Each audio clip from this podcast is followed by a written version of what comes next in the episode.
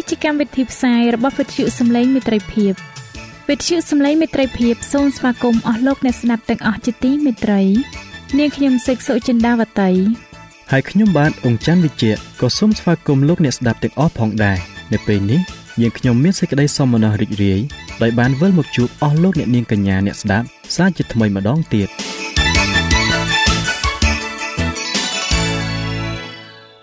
ចា៎លោកអ្នកស្ដាប់ជាទីមេត្រី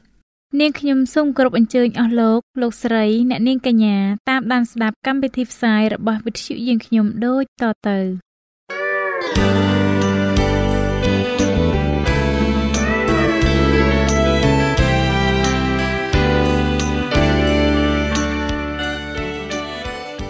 ព្រះបន្ទូលសម្រាប់អ្នកនៅថ្ងៃនេះព្រះគម្ពីរកូឡូសជំពូក1ខ13បានចែងថា ទ្រង់បានប្រោះឲ្យយើងរួចពីអំណាចនៃសេចក្តីងងឹតហើយផ្លាស់យើងមកក្នុងនគររបស់ព្រះរាជបុត្រាស្ងួនភ្ងានៃទ្រង់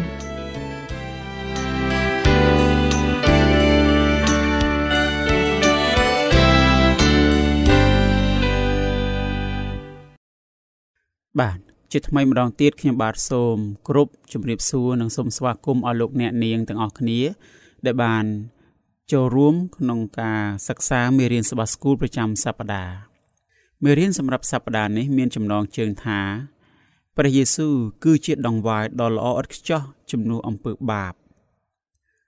ប្រសិនបើលោកអ្នកចង់បានមេរៀននេះប្រើនៅលើទូរស័ព្ទដៃ Android លោកអ្នកអាចទាញយកបានតាមរយៈ Play Store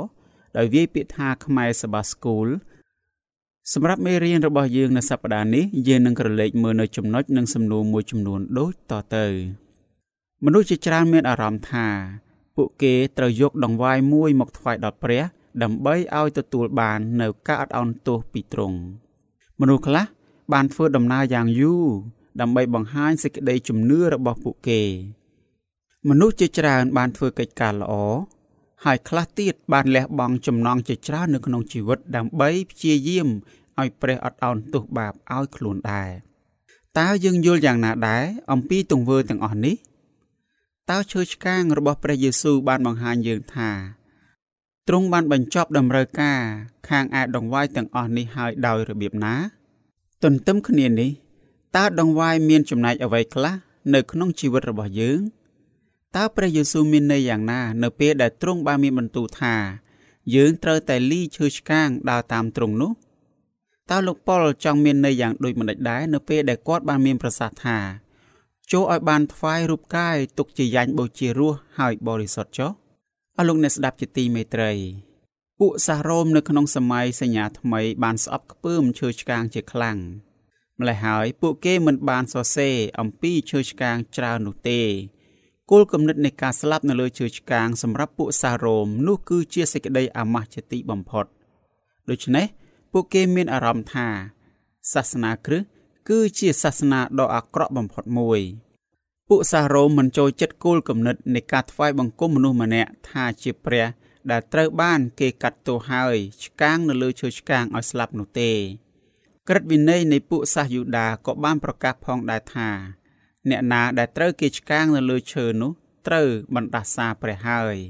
ដោយដែលមានចែងនៅក្នុងព្រះគម្ពីរចោទយកថា ជំពូក21ខ23 អារម្មណ៍នៃសេចក្តីអាម៉ាស់ទាំងនេះ ដែលគំនូនៃពួកគ្រីស្ទានដំបូងបានបង្ហាញនៅលើឈើឆ្កាង ពួកគ្រីស្ទានបានគូររូបសត្វកង្កោកសត្វព្រាប ស្លឹកត្នោត និងសត្វត្រី ក្រោយមកគំនូនៃពួកគ្រីស្ទានបានបង្ហាញអំពីទូករបស់លោកណូអេនិងរូបដានីយ៉ែលនៅក្នុងរោងតោលោកយូណាសត្រូវបានត្រីធំខ្ជាក់ចេញមកក្រៅ និងអ្នកកងវិលជៀម3ត្រកងកូនជៀមជាដើម។ ពួកគ្រីស្ទានដំបូងក៏បានគូររូបព្រះយេស៊ូវព្យាបាលមនុស្សពិការនិងប្រោសឲ្យលោកឡាសារស់ពីស្លាប់ឡើងវិញផងដែរប៉ុន្តែឈើឆ្កាងបានបង្ហាញអំពីការចាញ់និងការអាម៉ាស់ទៅវិញក្រោយមកឈើឆ្កាងនៃសេចក្តីអាម៉ាស់ដដាលនេះបានคล้ายទៅជានិមិត្តរូបនៃគ្រិស្តសាសនាលោកប៉ុលបានមានប្រសាសន៍ថា ដំណឹងល្អអំពីព្រះយេស៊ូវគឺជាដំណឹងពីឈើឆ្កាង ដោយតែមានចែងនៅក្នុងព្រះគម្ពីរក្រិនថូសខ្សែទី1ជំពូក1ខ18មេរៀនសម្រាប់សប្តាហ៍នេះយើងនឹងក្រឡេកមើលយ៉ាងច្រើនតាក់ទងជាមួយនឹងឈើឆ្កាងនៅក្នុងព្រះគម្ពីរហេព្រើរអស់លោកអ្នកទាំងអស់គ្នាជាទីមេត្រីលោកប៉ុលបានបកស្រាយអំពីមូលហេតុដែលព្រះយេស៊ូវចាំបាច់សុគតយ៉ាងដូចនេះថា ព្រះគ្រីស្ទទ្រង់សុគតប្រយោជន៍នឹងប្រោះលោះគេឲ្យរួចពីការរំលងដែលគេបានប្រព្រឹត្ត ពីកាលនៅក្រោមសញ្ញាចាស់នៅឡើយព្រះគម្ពីរហេព្រើរជំពូក9ខ15នៅម្ដុំបូព៌ាប្រទេសក្នុងសម័យព្រះគម្ពីរសេចក្តីសញ្ញារវាងមនុស្សពីរអ្នកសំខាន់ជាទីបំផុតភាគីទាំងពីរដែលជាផ្នែកមួយនៃសេចក្តីសញ្ញាបានសន្យានឹងគ្នា បន្ទាប់មកពួកគេនឹងសូត្រពាក្យសម្បត្តិពាក្យសម្បត្តិបានបង្ហាញថា ពួកព្រះនឹងដាក់ទោសដល់អ្នកណាដែលបានរំលងសេចក្តីសញ្ញា ពួកគេតែងតែសម្លាប់សត្វទុកជាផ្នែកមួយនៃសេចក្តីសញ្ញា បន្ទាប់មក ពួកគេបានដើរនៅកណ្ដាលចំណែកនៃសត្វនោះបំណែកទាំងនោះ បានបង្ហាញអំពីអ្វីដែលនឹងត្រូវកើតឡើងចំពោះអ្នកណា ដែលបានរំលងសេចក្តីសញ្ញាចូលយើងក្រឡេកមើលឧទាហរណ៍នៃសេចក្តីសញ្ញាដែលព្រះបានតាំងឡើងជាមួយនឹងលោកអាប់រ៉ាហាំលោកអាប់រ៉ាហាំបានពុះសัตว์ជា2ដោយដែលមានចែងនៅក្នុងព្រះគម្ពីរ លោកកបាតជំពូក15ខ6ដល់ខ21តើលោកអ្នកបានឃើញដែរឬទេថាមានតែព្រះម្ខាងគត់ដែលបានដើរនៅកណ្ដាលបំណែកនៃសត្វនោះ តាមរយៈការធ្វើដូច្នេះព្រះអាចបង្ហាញដល់លោកអាប់រ៉ាហាំថាទ្រង់នឹងមិនរំលងសេចក្តីសន្យារបស់ទ្រង់ឡើយសេចក្តីសញ្ញាដែលព្រះបានប្រទានដល់សាសអ៊ីស្រាអែលនោះគឺសំខាន់ជាទីបំផុតសេចក្តីសញ្ញានេះបានបង្ហាញយើងថា ព្រះនឹងប្រទានទឹកដីសន្យាមួយដល់សាសអ៊ីស្រាអែលសេចក្តីសញ្ញានេះរួមមានទាំងក្រឹតវិន័យនិងឈាមផងឈាមត្រូវបានដាក់នៅលើអាសនាដើម្បីបង្ហាញពួកបណ្ដាជនអំពីអ្វីដែលនឹងត្រូវកើតឡើងចំពោះអ្នកណាដែលបានរំលងសេចក្តីសញ្ញាឥឡូវនេះ យើងអាចយល់ច្បាស់អំពីមូលហេតុដែលលោកប៉ុលបានមានប្រសាសន៍ថា បើគ្មានខ្យល់ឈាមទេ នោះគ្មានផ្លូវណាឲ្យបានរួចពីបាបឡើយ ព្រះគម្ពីរហេព្រើរជំពូក9ខ22ព្រះបានធ្វើការសម្រេចប្រតិយមួយ នៅពេលដែលសាសអ៊ីស្រាអែលបានរំលងសេចក្តីសញ្ញាសេចក្តីសញ្ញារបស់ទ្រង់បានចែងថា អ្នកណាដែលរំលងក្រឹតវិន័យរបស់ព្រះចាំបាច់ត្រូវតែស្លាប់ប៉ុន្តែព្រះ បានស្រឡាញ់ដល់រាជរបស់ទ្រង់តើយ៉ាងណាទៅវិញ ប្រសិនបើព្រះបានបែរចេញហើយបដិសេធមិនព្រមដាក់ទោសដល់ពួកគេវិញនោះ ពេលនោះ ព្រះមិនអាចបង្គាប់ឲ្យមនុស្សគ្រប់គ្នារក្សាក្រឹតវិន័យរបស់ទ្រង់តទៅទៀតបានទេដូច្នេះព្រះយេស៊ូវបានយាងមកជំនួសយើងទ្រង់បានសគត់ជំនួសយើងដើម្បីឲ្យយើង បានទទួលសេចក្តីសន្យាទុកជាមរតកនៅអស់កលជានិច្ចដោយដែលមានចែងនៅក្នុងព្រះគម្ពីរហេព្រើរជំពូក9ខ15និងខ26លោកអ្នកក៏អាចមើលបន្ថែមទៀតនៅក្នុងព្រះគម្ពីររ៉ូម ជំពូក3ខ21ដល់ខ26ផងដែរតាមវិធីនេះព្រះយេស៊ូវបានបង្ហាញថាតនកម្មនៃការរំលងក្រឹតវិន័យត្រូវតែមាន ទន្ទឹមគ្នានេះព្រះយេស៊ូវក៏អាចសង្គ្រោះអ្នកដែលបានរំលងក្រឹតវិន័យរបស់ទ្រង់ផងដែរព្រះយេស៊ូវអាចធ្វើកិច្ចការពីរយ៉ាងនេះដោយសារតែទ្រង់បានសុគតជំនួសយើងនៅលើឈើឆ្កាងអស់លោកអ្នកទាំងអស់គ្នាជាទីមេត្រីសេចក្តីស្លាប់របស់ព្រះយេស៊ូវអាចធ្វើឲ្យទ្រង់អត់ឱនទោស ឲ្យដល់យើងបានប៉ុន្តែការអត់ឱនទោសលើសពីការលុបបំបាត់ទោសនៃអំពើបាបទៅទៀតការអត់ឱនទោសត្រូវបានរាប់បញ្ចូលទាំងផ្នែកសំខាន់សំខាន់ដទៃទៀតផងដែរនេះគឺជាមូលហេតុដែលសាសអ៊ីស្រាអែលបានថ្វាយដង្វាយ5យ៉ាងផ្សេងផ្សេងគ្នាដង្វាយនីមួយនីមួយមានសារៈសំខាន់ក្នុងការបង្ហាញអំពីអត្តន័យនៃឈើឆ្កាងរបស់ព្រះយេស៊ូវលោកប៉ុល ចង់ឲ្យពួកជំនុំអេភីសូយល់អំពីសេចក្តីស្រឡាញ់របស់ព្រះយេស៊ូវដង្វាយផ្សេងផ្សេងគ្នាដែលពួកយូដាបាននាំយកមកថ្វាយព្រះនៅក្នុងសម័យព្រះគម្ពីរនោះបានជួយបកស្រាយអំពីសេចក្តីស្រឡាញ់យ៉ាងដូចនេះថាដង្វាយដុតគឺជាដង្វាយសัตว์តួនៃសัตว์ទាំងមូលត្រូវបានដុតនៅលើអាសនាដោយដែលមានចែងនៅក្នុងព្រះគម្ពីរលេវីវិន័យជំពូក1ទាំងស្រុងដង្វាយនេះ បានបង្ហាញអំពីព្រះយេស៊ូវដែលបានលះបង់ជីវិតរបស់ទ្រង់ជំនួសយើងមែនហើយព្រះយេស៊ូវមានឋានៈស្មើនឹងព្រះគ្រប់យ៉ាងប៉ុន្តែព្រះយេស៊ូវមិនបានរាប់សេចក្តីស្មើនឹងព្រះនោះទុកជាសេចក្តីដែលគួរកាន់ខ្ជាប់ឡើយគឺទ្រង់បានលះបង់ព្រះអង្គទ្រង់មកយករូបភាពជាបាវបំរើវិញព្រះគម្ពីរភីលីបជំពូក2ខ5ដល់ខ8 អលោកអ្នកជាទីមេត្រី ពួកអ៊ីស្រាអែលបាននាំយកដង្វាយម្សៅដង្វាយធញ្ញជាតិមកថ្វាយព្រះ ដើម្បីបង្ហាញអំពីការដឹងគុណរបស់គេចំពោះអ្វីអ្វីគ្រប់យ៉ាង ដែលព្រះបានធ្វើក្នុងការថែរក្សារាជរបស់ទ្រង់ព្រះគម្ពីរលេវីវិន័យជំពូក2ដង្វាយនេះក៏បានបង្ហាញអំពីព្រះយេស៊ូវដែលជានំប៉័ងជីវិតដោយដែលមានចែងនៅក្នុងព្រះគម្ពីរយូហានជំពូក6 ខ35និង48យើងមានជីវិតអស់កលដោយសារតែព្រះយេស៊ូវប៉ុណ្ណោះដងវាយមេត្រី បានបង្ហាញយើងអំពីការចែករំលែកអាហាររវាងមិត្តភ័ក្តិនិងគ្រួសារដើម្បីអបអរសាទរសម្រាប់ជីវិតសុខសប្បាយដែលព្រះប្រទានដល់រាជរបស់ទ្រង់ព្រះគម្ពីរលេវីវិន័យជំពូក3ដងវាយនេះក៏បានបង្ហាញអំពីព្រះយេស៊ូវផងដែរ ដោយសារការសគត់របស់ទ្រង់នេះហើយទើបយើងអាចទទួលបាននូវសេចក្តីមេត្រីដោយដែលមានចែងនៅក្នុងព្រះគម្ពីរអេសាយជំពូក53ខ5ព្រះគម្ពីររ៉ូមជំពូក5ខ1និងព្រះគម្ពីរអេផេសូជំពូក2ខ14ដងវាយមេត្រីក៏បានបង្ហាញយើងថា យើងត្រូវតែមានចំណែកនៅក្នុងការសគត់របស់ព្រះជំនួសយើងផងដែរតើដោយរបៀបណាទៅ គឺតាមរយៈការបរិភោគរូបកាយរបស់ទ្រង់និងបរិភោគ លោហិតរបស់ទ្រង់ព្រះគម្ពីរយូហានជំពូក6ខ51ដល់56ដងវាយលុះបាប បានដកចេញកំហុសដែលបាន បណ្ដាលឡើងដោយសារអំពើបាបព្រះគម្ពីរលេវីវិន័យជំពូក4និងជំពូក5ឈាមនៃដងវាយសัตว์បានបង្ហាញអំពីជីវិតនៃសត្វលេវីវិន័យជំពូក17ខ11ឈាមនេះគឺជារូបស័ព្ទតំណាងឲ្យលោហិតរបស់ព្រះយេស៊ូវ លោហិតរបស់ទ្រង់បានសង្គ្រោះយើងចេញពីអំពើបាបព្រះគម្ពីរម៉ាថាយជំពូក26ខ28រ៉ូមជំពូក3ខ25និងហេព្រើរជំពូក9ខ14ដងវាយសំណងព្រះគម្ពីរលេវីវិន័យជំពូក5ខ14ដល់ខ17ដងវាយនេះបង្ហាញយើងអំពីអ្វីដែលយើងត្រូវធ្វើដើម្បីឲ្យអ្វីអ្វីបានត្រឹមត្រូវឡើងវិញ បន្ទាប់ពីព្រះបានអត់អន់ទោសបាបឲ្យយើងដង្វាយនេះបង្ហាញយើងអំពីអ្វីដែលយើងត្រូវធ្វើដើម្បីឲ្យអ្វីអ្វីគ្រប់យ៉ាងត្រឹមត្រូវឡើងវិញ បន្ទាប់ពីព្រះបានអត់អន់ទោសបាបឲ្យយើងនោះព្រះចង់ឲ្យយើងធ្វើអ្វីៗឲ្យបានត្រឹមត្រូវតាមដែលអាចធ្វើទៅបានជាមួយនឹងមនុស្សដែលយើងបានធ្វើបាប និងធ្វើខុសរវាងគ្នាទៅវិញទៅមកអស់លោកអ្នកទាំងអស់គ្នាជាទីមេត្រី លោកប៉ុលបានមានប្រសាសន៍ប្រាប់យើងអំពីមូលហេតុដែលនាំឲ្យមានពួកសង្ឃជាច្រើន ចេញពីកុលសម្ព័ន្ធលេវី ពួកសង្ឃទាំងនោះមានគ្នាជាច្រើន ពីព្រោះគេតែងតែស្លាប់មិននៅជាប់ស្ថិតស្ថេរនោះទេ ពួកសង្ឃថ្វាយយ៉ាញ់បូជាជារៀងរាល់ថ្ងៃ រួមទាំងដង្វាយពិសេសរាល់តែឆ្នាំ ដង្វាយនិងយ៉ាញ់បូជាទាំងនេះ មិនអាចនឹងធ្វើឲ្យអ្នកដែលថ្វាយបានគ្រប់លក្ខខាងឯបញ្ញាចិត្តបានឡើយ។ ប៉ុន្តែព្រះយេស៊ូវប្រសើរជាងពួកសង្ឃទៅទៀត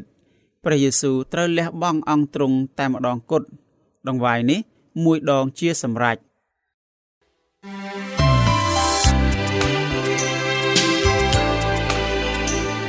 សេចក្តីជំនឿកើតឡើងដោយលឺហើយដែលលឺនោះគឺដោយសារព្រះបន្ទូលនៃព្រះ តាមរយៈវិទ្យុសំឡេងមិត្តភាព AWR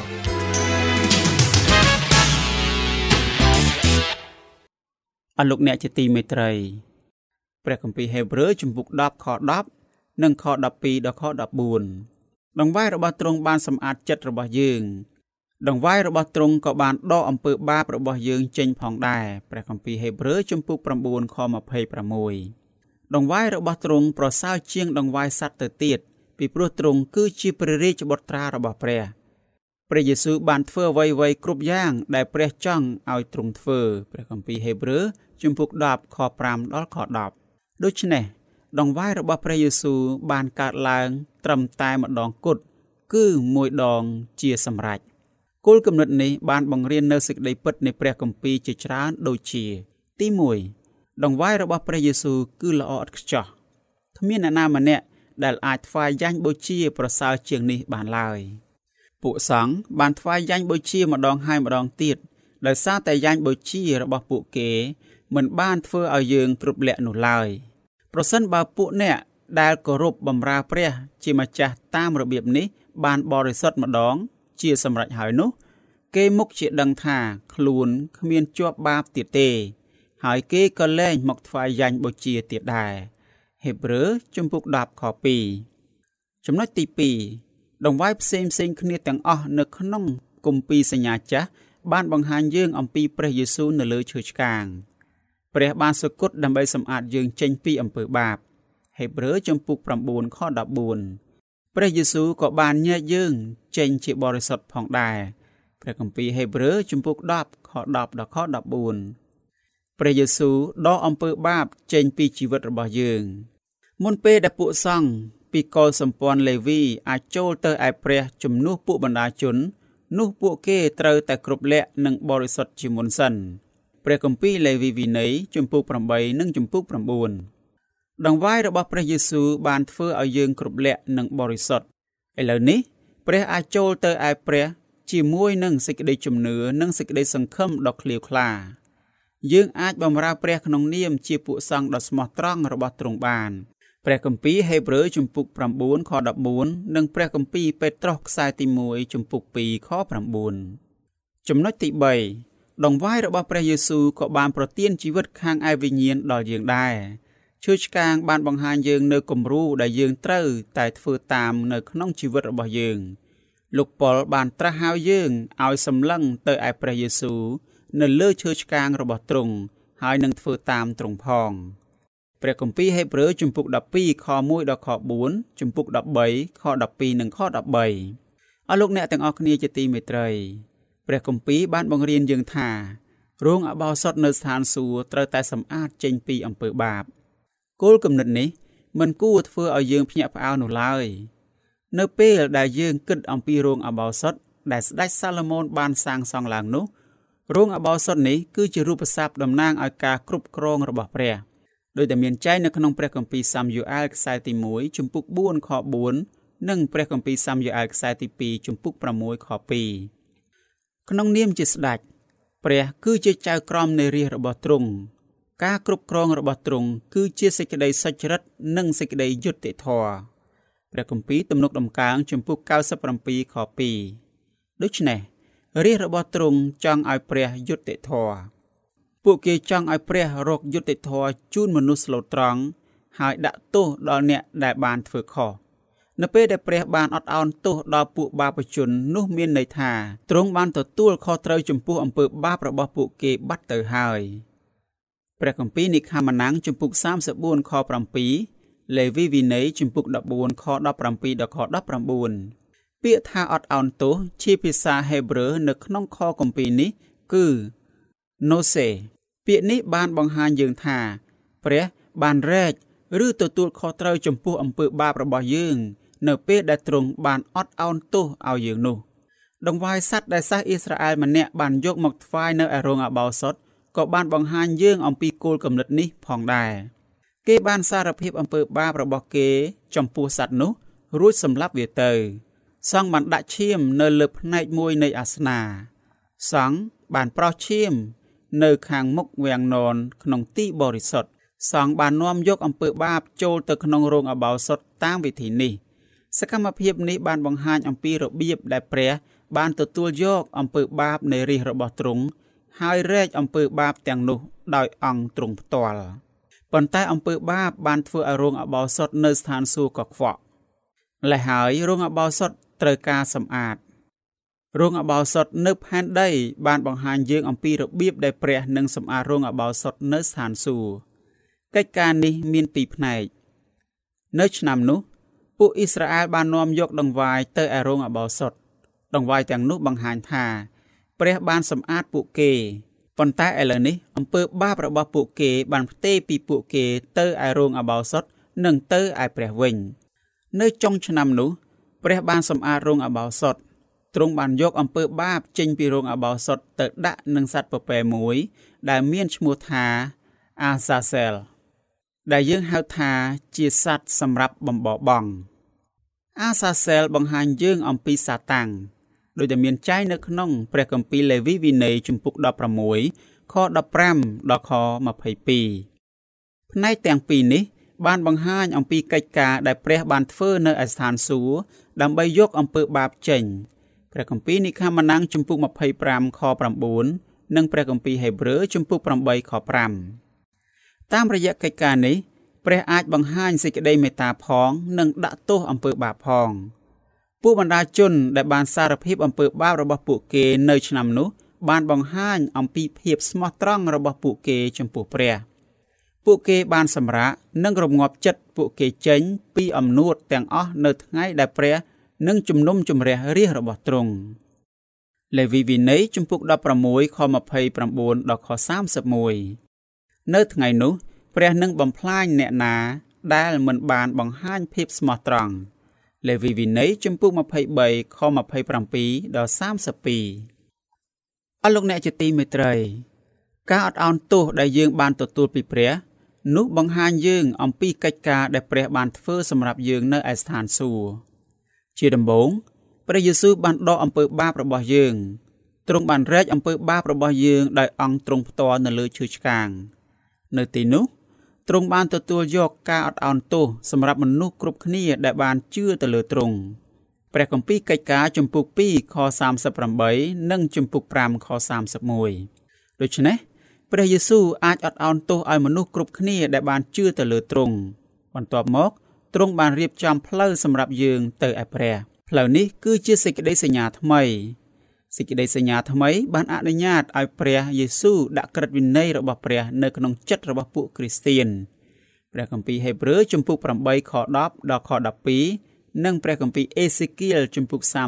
36ខ25ដល់ខ27ព្រះវិញ្ញាណបរិសុទ្ធបានធ្វើការជាមួយនឹងព្រះយេស៊ូវដើម្បីដាក់ក្រឹតវិន័យនៅក្នុងចិត្តរបស់យើងគ្រប់គ្នាដែលជាមនុស្សមានបាបនេះបន្ទាប់មក ព្រះយេស៊ូវបានធ្វើកិច្ចការសម្រាប់យើងរាល់គ្នា នៅក្នុងអំឡុងពេលដែលព្រះ កំពុងតែជំនុំជម្រះមនុស្សគ្រប់គ្នានៅលើផែនដីកិច្ចការនេះ បានកើតឡើងនៅក្នុងអំឡុងពេលចុងក្រោយ។នៅពេលដែលលោកប៉ុលបានសរសេរព្រះគម្ពីរហេព្រើរនេះឡើង ពេលនោះនៅឆ្ងាយពីអនាគតខ្លាំងណាស់ប៉ុន្តែឥឡូវនេះយើងកំពុងតែរស់នៅក្នុងសម័យអនាគតនេះឯង ព្រះបានចាប់ផ្ដើមជាមួយនឹងរាជរបស់ទ្រង់នៅក្នុងកិច្ចការរបស់ទ្រង់ក្នុងនាមជាចៅក្រមកិច្ចការដែលព្រះបានធ្វើក្នុងនាមជាចៅក្រមរបស់យើងនោះនឹងបង្ហាញមនុស្សគ្រប់គ្នាថាទ្រង់យុត្តិធម៌និងត្រឹមត្រូវកាលដែលទ្រង់បានអត់ឱនទោសដល់យើង ក្នុងអំឡុងពេលនោះមនុស្សគ្រប់គ្នានៅស្ថានសួគ៌នឹងអាចមើលឃើញបញ្ជីជីវិតនៃរាជទាំងអស់របស់ព្រះ ព្រះនឹងបង្ហាញមនុស្សគ្រប់គ្នា នៅស្ថានសួគ៌អំពីការផ្លាស់ប្ដូរដែលបានកើតឡើងនៅក្នុងចិត្តនៃរាជរបស់ទ្រង់ព្រះនឹងបង្ហាញអំពីរបៀបដែលរាជរបស់ទ្រង់បានផ្លាស់ប្រែទៅជាល្អជាងមុន នៅពេលដែលពួកគេបានទទួលយកព្រះយេស៊ូវជាព្រះអង្គសង្គ្រោះរបស់ពួកគេនិងបានស្វាគមន៍ព្រះវិញ្ញាណបរិសុទ្ធឲ្យចូលទៅក្នុងចិត្តរបស់ពួកគេនោះឯងអ្នកស្រី Ellen G. White បានមានប្រសាសន៍អំពីពេលវេលានោះយ៉ាងដូចនេះថាមនុស្សបានឈរនៅមុខព្រះ បញ្ជីជីវិតរបស់មនុស្សម្នាក់ម្នាក់ពោពេញទៅដោយស្នាមប្រឡាក់នៃអំពើបាប គេនឹងសារភាពទោសកំហុសរបស់គេ គេមិនអាចជំទាស់ទៅនឹងបណ្ដឹងទាស់នឹងគេបានឡើយ ពីព្រោះតែអំពើបាបរបស់គេប៉ុន្តែព្រះយេស៊ូវក៏មានវត្តមាននៅទីនោះដែរព្រះគឺជាព្រះអង្គជំនួយទ្រង់គឺជាមេធាវីរបស់យើងទ្រង់នឹងជំទាស់ជូនមនុស្សគ្រប់គ្នាដែលបានបែកចេញពីអំពើបាបនិងបានប្រគល់ជីវិតរបស់ពួកគេដល់ព្រះ ព្រះយេស៊ូវនឹងការពារយើងព្រះនឹងបង្ហាញអំពីអ្វីដែលទ្រង់បានធ្វើនៅត្រង់ភ្នំកាល់វ៉ារីសម្រាប់យើងព្រះយេស៊ូវបានរស់នៅក្នុងជីវិតនៃការស្ដាប់បង្គាប់មួយដ៏ល្អឥតខ្ចោះចំពោះក្រឹតវិន័យរបស់ព្រះមុនពេលដែលទ្រង់បានសគត់នៅលើឈើឆ្កាងជីវិតដ៏ល្អឥតខ្ចោះនេះ បានផ្ដល់ឲ្យព្រះយេស៊ូវនៅអំណាចទាំងអស់នៅស្ថានសួគ៌និងនៅផែនដី ព្រះយេស៊ូវបានសូមឲ្យព្រះវរបិតាបង្ហាញសេចក្តីមេត្តាចំពោះមនុស្សមានទោសហើយនាំគេត្រឡប់មកឯទ្រង់វិញអស់លោកអ្នកទាំងអស់គ្នាជាទីមេត្រីសូមឲ្យមេរៀននៅសប្តាហ៍នេះបានជាប្រពរដើម្បីពង្រីកសេចក្តីជំនឿរបស់អស់លោកអ្នកចំពោះព្រះជាម្ចាស់តទៅទៀតទោះបីជាមានអ្វីកើតឡើងនៅក្នុងជីវិតសូមឲ្យអស់លោកអ្នកបងប្អូនបាននឹកចាំថាព្រះយេស៊ូវ គឺជាសម្ដេចសង្ឃនៃយើងហើយព្រះអង្គទ្រង់គឺជាព្រះអង្គដែលទ្រង់រងចាំរួចជាស្រេចក្នុងការជួយអស់លោកអ្នកជួយជាគំនិត ជួយជាកម្លាំងជួយជាប្រាជ្ញាក្នុងការរស់នៅ ជាកូនស្ងួនភ្ងារបស់ព្រះនៃស្ថានសួគ៌មុននឹងបញ្ចប់នៅមេរៀននេះខ្ញុំបាទសូមលើកយកនខព្រះគម្ពីរមួយទុកជាចំណងដៃជូនដល់អស់លោកអ្នកទាំងអស់គ្នាគឺព្រះគម្ពីរហេព្រើរជំពូក10ខ14ដែលខនេះបានចែងយ៉ាងដូចនេះថា ត្បិតត្រង់ធ្វើឲ្យពួកអ្នកដែលបានញែកជាបរិសុទ្ធហើយបានគ្រប់លក្ខអស់កលជានិច្ចដោយសារដងវាយតែមួយនោះសូមឲ្យព្រះបានប្រទានពរដល់បងប្អូនអស់លោកអ្នកទាំងអស់គ្នាហើយខ្ញុំបាទនឹងវិលត្រឡប់មកជួបអស់លោកអ្នកជាថ្មីម្ដងទៀតនៅមេរៀនសម្រាប់សប្តាហ៍ក្រោយសូមអរគុណសូមជម្រាបលា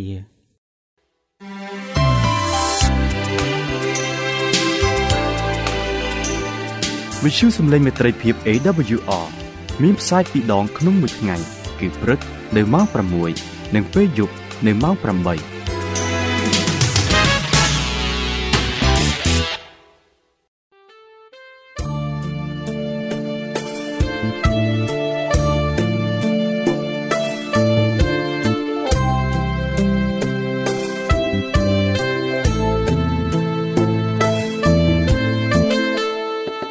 ជាលោកអ្នកមានសំណួរឬសំណុំពរអ្វីសូមតាក់ទងមកការិយាល័យវិទ្យុយើងខ្ញុំ តាមអាស័យដ្ឋានផ្ទះលេខ15ផ្លូវលេខ568សង្កាត់បឹងកក់2ខណ្ឌទួលគោករាជធានីភ្នំពេញលោកអ្នកក៏អាចសរសេរសម្បត្តិផ្ញើមកយើងខ្ញុំ តាមរយៈប្រអប់សម្បត្តិលេខ488ភ្នំពេញឬតាមទូរស័ព្ទលេខ012 34 96 64ឬ097 80 81 060ឬក៏តាមរយៈអ៊ីមែល vol@awr.org យើងខ្ញុំរងចាំទទួលស្វាគមន៍អស់លោកអ្នកនាងដោយក្តីសោមនស្សរីករាយហើយលោកអ្នកក៏អាចស្ដាប់កម្មវិធីនេះឡើងវិញដោយចូលទៅកាន់ website របស់វិទ្យុយើងខ្ញុំ តាមរយៈអាស័យដ្ឋាន www.awr.org